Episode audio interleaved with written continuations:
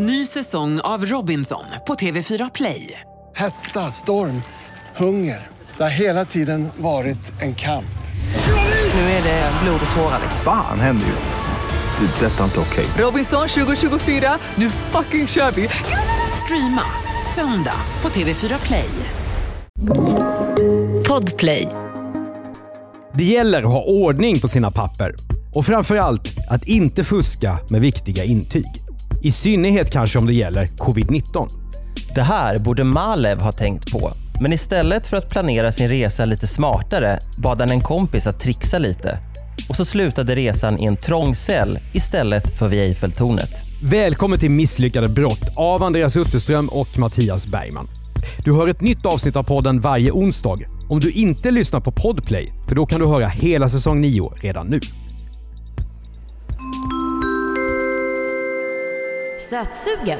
Just nu har vi fina erbjudanden på godis i vår taxfree. Stockholm Arlanda Airport, som flygplatsen faktiskt heter, invigs av kung Gustav VI Adolf 1962. Det innebär att flygtrafiken utomlands flyttar dit från den betydligt mindre gamla flygplatsen i Bromma. På Arlanda och i företagsområdet runt omkring jobbar idag så många som 17 000 personer. Med allt från att sälja räksmörgås för 295 kronor till att lasta bagage eller beslagta saker i tullen. Och här anar man ju redan här lite aggressioner från din sida mot Arlanda när det gäller prissättningen. Ja, den där räksmörgåsen den har jag gråtit blod över när jag råkade beställa en, en dålig morgon där ute. Jag var i somras och eh, hade en eh, kort sejour på Arlanda. Jag vet att jag betalade 95 kronor för 40 centiliter sämre bärs. Men du dricker alltså öl på flygplatsen på morgonen? Eh, Det var inte på morgonen, det var okej. på kvällen. Men jag, jag hör till de män som kan dricka på morgonen när jag ska Herre- flyga. För det tycker jag personligen som älskar flygplatser är det konstigaste när folk dricker stor stark klockan ja, men kvart över sex på morgonen. Ja, jag, det är faktiskt väldigt jag konstigt. kan inte förstå det. Nej, det är faktiskt väldigt konstigt. Och, och kan det finnas så mycket flygrädda människor att Nej, alla nej. som dricker öl på morgonen är flygrädda? Nej, det gör det inte. Det måste ju vara någon tradition för män som ska på semester. Och Jag undrar om inte medicinskt utbildad personal som lyssnar på Misslyckade brott kan säga till oss om det här är ett riskbeteende eller inte. Jag skulle tro det nämligen. Ja, jag med. Det, det känns inte bra i magen. Men du gillar ju annars flygplan. Då borde du gilla att vara på flygplatser. Älskar flygplatser lika mycket som jag avskyr Arlanda flygplats. Jag tycker den är så fruktansvärt eh, kass. Närmast pinsamt tycker jag att Sveriges största flygplats som tar emot människor utomlands ifrån, att de får en sån första upplevelse av Stockholm på det sättet. Jag hör att du inte har varit på JFK eller Newark eller någon annan Jo. amerikansk. För de är ju Newark har jag varit på, Ja. men amerikanska flygplatser förväntar mig inte mer av. Eh, Jag har även varit på eh, världens sämsta flygplats. Eh, det måste vara Charles de Gaulle. Absolut. Ja. Med Eh, svängdörrar i entrén vill jag minnas. Svängdörrar i entrén. Och eh, Jag tycker nog att, att Charles de Gaulle är sämre än Arlanda. Men bagagebältet på Arlanda och väntetiden där nere, det är sämre än Charles de Gaulle. Eh, Kastrup gillar jag bäst och så finns det även fantastiska flygplatser i Asien. Hongkong, Bangkok. Ja, det är nog favoriterna. Ja, men, nej, men de, de, det går ju liksom att äta kött från golvet på, på Changi i Singapore eller Incheon i Seoul. Och de, det går inte att jämföra med någonting annat. Och bästa stället att bli försenad på, Frankfurt. För då kommer det en tysk i en sån här liten bil. Vagnen där, säger ja. hej, kör en till rätt ställe, man får gå, för, gå förbi kön, skakar hand, drar, har löst problemet. Tack Tyskland. Frankfurt är inte rolig, men väldigt, väldigt ordningsam. Såklart. Ja, ska vi, med den här lilla utvikningen kanske vi ska gå vidare så att vi, du som lyssnar förstår vart vi är på väg egentligen. Ja, en flygplats av Arlandas storlek förvandlas inte sällan till en brottsplats. Ibland är det också riktigt spektakulärt, som det så kallade Arlanda-rånet 2002. Beväpnade rånare kommer då över 44 miljoner kronor när de slår till mot en värdetransport. Lyssna gärna på Peter Dokumentär om den eh, kuppen. Spännande. Ett långt mer vanligt brott på Arlanda är förstås att folk försöker ta sig in i eller ut ur Sverige med falska pass eller visum. Och så smugglas det såklart allt mellan himmel och jord. Inte bara klassiker som sprit, narkotika, vapen och cigaretter, utan resenärer åker också fast med så märkliga saker som illegala orkidéplantor, levande skorpioner och rökta apor som tydligen någon hade tänkt att äta som delikatess. Och här är det inte jag som då har skrivit manus som hittar på utan allt detta har beslagtagits på Arlanda. Jag förstod det. Rökt apa, eh, det låter... Ja, varför ja, inte? Uppstoppade apor också och uppstoppad eh, krokodil, men just rökt apa, ja, det, det tackar jag nog nej till. Ett annat tips när det gäller flygplatser som jag älskar att titta på är det här Gränsbevakarna Australien. Har du sett det programmet någon gång? Jajamän. Men på senare tid har det varit lugnare här ute på Arlanda. 2020 hade flygplatsen bara 6 535 000 resenärer. Det ska jämföras med 25 642 623 året före. Och förklaringen är enkel. Coronaviruset och covid-19. Stängda gränser, inställda flyg och allmän oro gör att resandet såklart störtdyker. Istället för att resa till affärsmöten blir det Zoom eller Teams. Och istället för pucket i Thailand får man ta bilen till Strömstad på sommarsemestern. Men i år, 2021 alltså, börjar det så sakta vända uppåt. Så den 11 mars är det trots allt en del folk ute på Arlanda. Mycket är fortfarande ovisst och det är lite ödsligt, men det känns ändå som att livet så sakteliga håller på att återvända till det normala. Så att man kan flyga till Paris till exempel. Det är nämligen det resenärerna som checkar in vid disk 36 på terminal 5 ska göra. Klockan 13.10 den här dagen ska planet med Air France lyfta mot den franska huvudstaden. Och flygplatsen som vi båda avskyr. Alltså man flyger från Arlanda till CDG. Det är verkligen eh, definitionen på pest till kolera. En av de som ska checka in på den här flighten är 26-årige Malev. Vi kallar honom så eftersom han är medborgare i Georgien och där är Malev, om vi förstår saken rätt, lika vanligt namn som Anders är i Sverige. Till Sverige kommer Malev från början för att söka asyl. Vad han nu ska göra i Paris är oklart, men till Frankrike ska han i alla fall. Och nu har han kommit fram i kön till incheckningen. Till en början så verkar det här inte vara några konstigheter. Med Malevs georgiska pass är det inga problem. Inte heller med biljetten. Den har han betalat 1188 kronor för och allt är i sin ordning. Men eftersom det är pandemitider måste Malev, precis som alla andra passagerare, visa upp ett färskt intyg som visar att han har testats negativt för covid-19. Annars är han inte välkommen. Varken på flygplatsen eller i kabinen på planet. Det här är en viktig del i att stoppa smittspridningen. Malev sträcker fram sitt papper, men kvinnan bakom disken reagerar direkt. Hon har säkert sett sin beskärda del av falska pass, visum och intyg genom åren. Vissa bättre utförda än andra, men det här intyget det kommer att tillhöra bottenligan.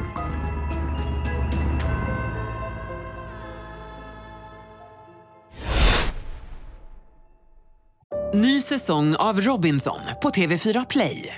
Hetta, storm, hunger. Det har hela tiden varit en kamp. Nu är det blod och tårar. Fan händer just nu. Det. är Detta är inte okej. Robinson 2024, nu fucking kör vi! Streama söndag på TV4 Play. Ett poddtips från Podplay. I fallen jag aldrig glömmer djupdyker Hasse Aro i arbetet bakom några av Sveriges mest uppseendeväckande brottsutredningar. Går vi in med hemlig telefonavlyssning och, och då upplever vi att vi får en total förändring av hans beteende. Vad är det som händer nu? Vem är det som läcker? Och så säger han att jag är kriminell, jag har varit kriminell i hela mitt liv men att mörda ett barn, där går min gräns. Nya säsongen av Fallen jag aldrig glömmer på Podplay.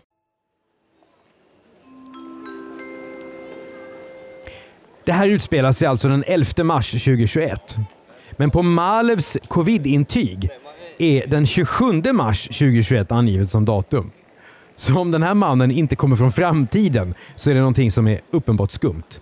Alltså han säger då att han har utfört testet efter att dagen inträffat. Alltså, Just det, han... Eh, I den verkliga världen så borde ju intyget vara gjort innan dagens datum, men här står det alltså ett eh, framtida datum på intyget och eh, då är det klart att den här kvinnan eh, undrar vad detta är för någonting. Men konstiga saker har ju hänt. Kanske är det den som har testat Malev för covid-19 som har slarvat och skrivit fel datum helt enkelt. Fast Andreas, att skriva fel mellan 11 och 27 om man är då sjukvårdspersonal. De skriver sånt här hela tiden. Ytterst osannolikt får man väl säga. Ja, men med tanke på det hårda trycket och mängderna intyg som skrivs ut varje dag så skulle det kanske, kanske kunna bli lite galet. Men nu visar det sig att på det här intyget är det inte bara datumet som är märkligt. På Malevs intyg som har Folkhälsomyndighetens logotyp finns också ett telefonnummer angivet. Men det numret är felaktigt. Och så är det det här med QR-koden då som ska läsas av. När kvinnan bakom disken eh, skannar koden så kommer det inte upp någon information alls. Och Det här är så misstänkt att hon ber Malev stanna kvar. Sedan ringer hon direkt till polisen.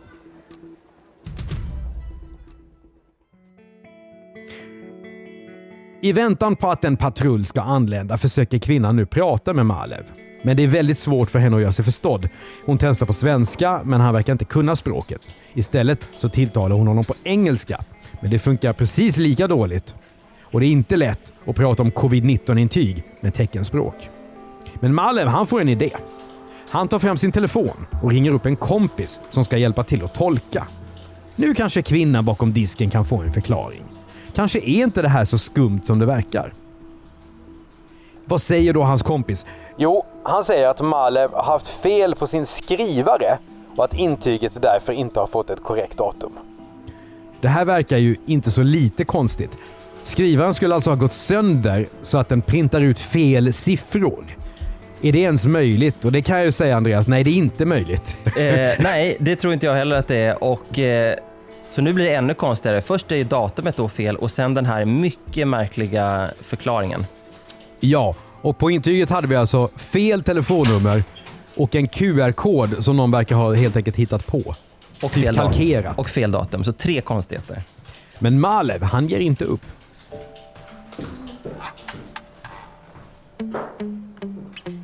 Efter en stund visar han upp ett annat intyg ur sin telefon. Och Där stämmer datumet jättebra. Men kvinnan misstänker starkt att kompisen har mejlat det här precis nu. Och att det här intyget i telefonen alltså är lika falskt som det första, det som fanns i pappersform. Snart är flygplatspolisen på plats. Ja, det är Arlanda så det kanske tog så här 30-40 minuter, jag vet inte. Och en halvtimme innan planet mot Paris ska lyfta, klockan 12.42, då grips Malev. Han är misstänkt för att ha visat upp ett falskt covid-19-test. Rent juridiskt kallas det här för brukande av falsk urkund. Om han faktiskt är smittad eller inte spelar ingen som helst roll i det här fallet. Det är det förfalskade intyget som är Malevs mycket fånigt misslyckade brott. Och är detta också första gången vi berättar om brukande av falskt urkund? Det tror jag faktiskt. Ja, det tror jag. Vi har ju inte varit inne i det här med liksom falsklägg på krogen och så, för det är ju samma rubricering. Ja, bedrägerier har vi haft många gånger, men jag tror faktiskt att det här är något av en eh, premiär nu när vi närmar oss 100 avsnitt. Förfalskningar däremot, det har vi varit inne och vänt i. Det är en klassiker i den här podden. Vid tre tiden på eftermiddagen samma dag, då har det alltså gått två och en halv timme som polisen har haft på sig, då hålls ett första förhör med Malev. Han är inte svårpratad. Och inte kommer han heller med några snurriga undanflykter.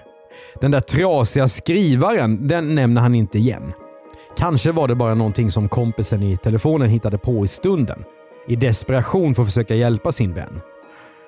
Istället lägger Malem korten på bordet. Han har helt enkelt klantat till det.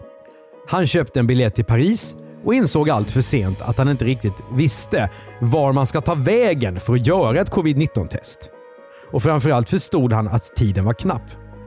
Malev skulle inte hinna testa sig i tid till avresan.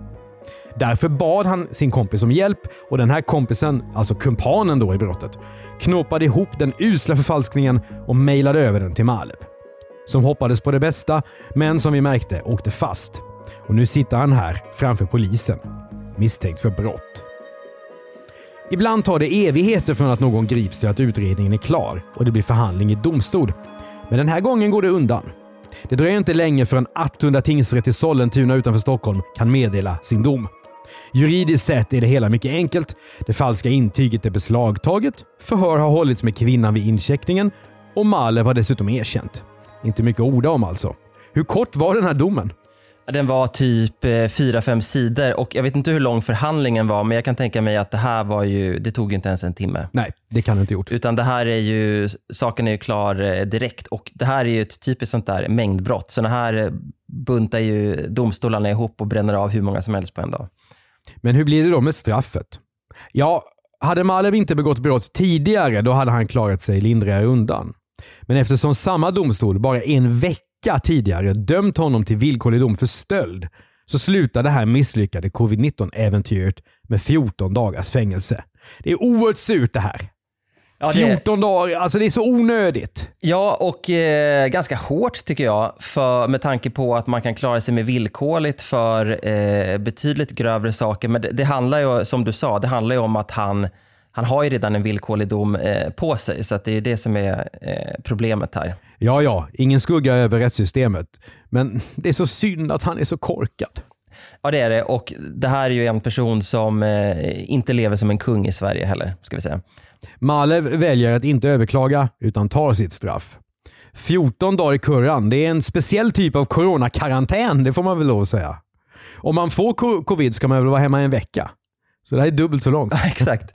Sen vet inte jag faktiskt om han får sitta på kåken eller om man räknar av det han redan har suttit häktad. För att han sitter häktad för att man tror att risken är att han flyr. Så det är möjligt att den här häktestiden då räknas av. Det är jag lite osäker på, men det är inte kul att ha en fängelsedom på sig när man söker asyl i Sverige. Det är jättedumt. Även om det kanske är värre att sitta häktad än i fängelse. Ja, det är det. Mycket, mycket värre. Framförallt när, han sitter, när man sitter med restriktioner och inte får titta på tv eller läsa tidningar eller någonting.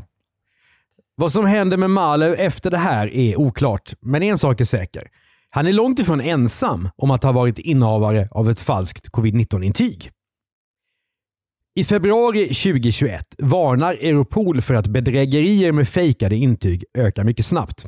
De kriminella ser chansen att tjäna pengar på pandemin. Och på vilken flygplats tror du Mattias att det härjar en eh, liga som håller på med detta? Det måste ju vara Paris. Det stämmer. Ja. På Charles de Gaulle eh, avslöjar polisen en liga som säljer förfalskade intyg för mellan 1500 och 3000 kronor till desperata flygpassagerare.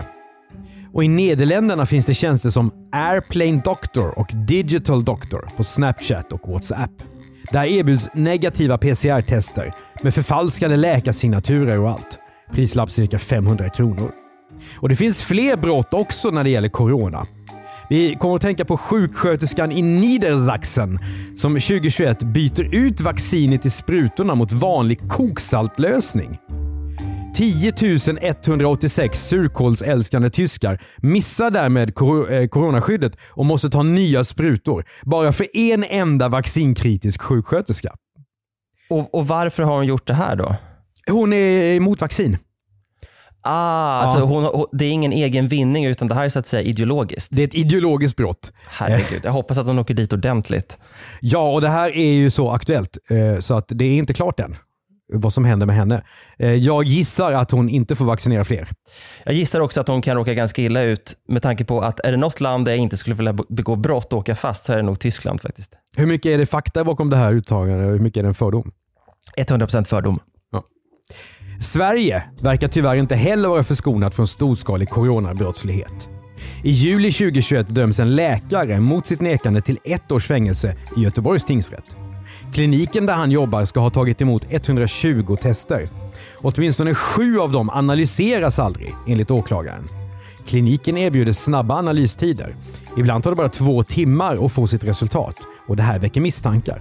Polisen börjar utreda saken och läkaren döms. Och Det här är så oerhört lågt kan jag tycka i, den här pandemin där människor faktiskt dör och eh, halva världen står på vänt eh, ekonomiskt på grund av den här brottsligheten. Och då är det en läkare som döms. Ja, man eh, förväntar sig kanske att eh, de ska eh, veta bättre, men även i den kåren finns det en del fula fiskar. Ja, men det är ju det här som vi gång på gång har visat i den här podden att utbildning och socioekonomisk status och eh, vad man är i samhället, det är ju absolut ingen garanti för att man inte ska vara kriminell. Sen är ju detaljerna har ju inte jag koll på här, om det är så att han har gjort det här för att kliniken har tagit på sig eh, liksom en arbetsbörda de inte klarar av, lovat för mycket eller liksom, för så mycket ekonomisk vinning kan den här läkaren inte ha fått eh, av det här. Eh, så det, det är lite konstigt men, men det är oerhört eh, ja, men dumt och eh, framförallt som du är inne på omoraliskt. Ja, det kan ju väldigt lätt leda till att människor som kan smitta andra med covid på grund av att de är positiva, då får inga besked. Ja, och är det någon som ska kunna och förstå sig på smittspridning, då är det faktiskt en läkare. Men det gör ju han eller hon säkert, Men skiter i det. men har skitit i det. Men det kanske mest upprörande exemplet är att så många som 100 000 personer kan ha fått felaktiga provsvar från ett svenskt vårdbolag som misstänks för att de inte ens ska ha skickat in proverna till labbet. Och här är det väl, utan att bli politisk, lite money talks. Oh ja, eh, åtminstone så som misstankarna är beskrivna eh, nu. Det här är ju inte avslutat utan när vi spelar in det här avsnittet då pågår utredningen fortfarande men det, det ser ju riktigt illa ut och den här huvudmannen är eh, på rymmen helt enkelt. Ja, huvudmannen, den här läkaren, har bland annat varit gäst hos Malou von Sivers i TV4. Det är alltså en kändisläkare då, enligt eh, rubriken. Det kan man säga. Ja, personen är som du sa spårlöst försvunnen och efterlyst.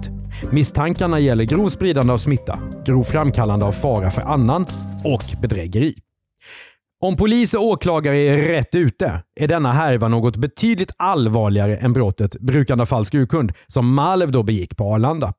Och blir det rättegång och fällande domar i härvan kring vårdbolaget som vi just pratade om så kommer det högst sannolikt att sluta med betydligt hårdare straff än de 14 dagars fängelse som vår misslyckade brottsling i avsnittet åkte på. Du har hört ett avsnitt av Misslyckade brott av Mattias Bergman och Andreas Utterström. Exekutiv producent är Jonas Lindskov. Du som lyssnar på podden i Podplay kan lyssna på alla avsnitt i säsong 9 redan nu. Du som lyssnar på ett annat sätt får vänta till onsdag för att få ett nytt avsnitt. I säsong 9 kan du till exempel höra om rånaren som blev utskrattad, Göteborgskomikern som drog TV4 till Högsta domstolen och dokusåpastjärnan som ljög sig blå. Tipsa gärna om andra fall som vi borde prata om här till misslyckade.bplus.se. Det är B plus med bokstäver. Normalt sett driver Andreas Utterström och jag innehållsbyrån Commercial Content och medietränar bland annat personer. Kolla på Medieträning 2.0 så får du se. För Podplay så gör vi även poddarna Jag var där, Misslyckade affärer och Misslyckade makthavare. Prenumerera gärna på podden i din poddspelare och betygsätt den så är det fler som hittar till den. Vi hörs!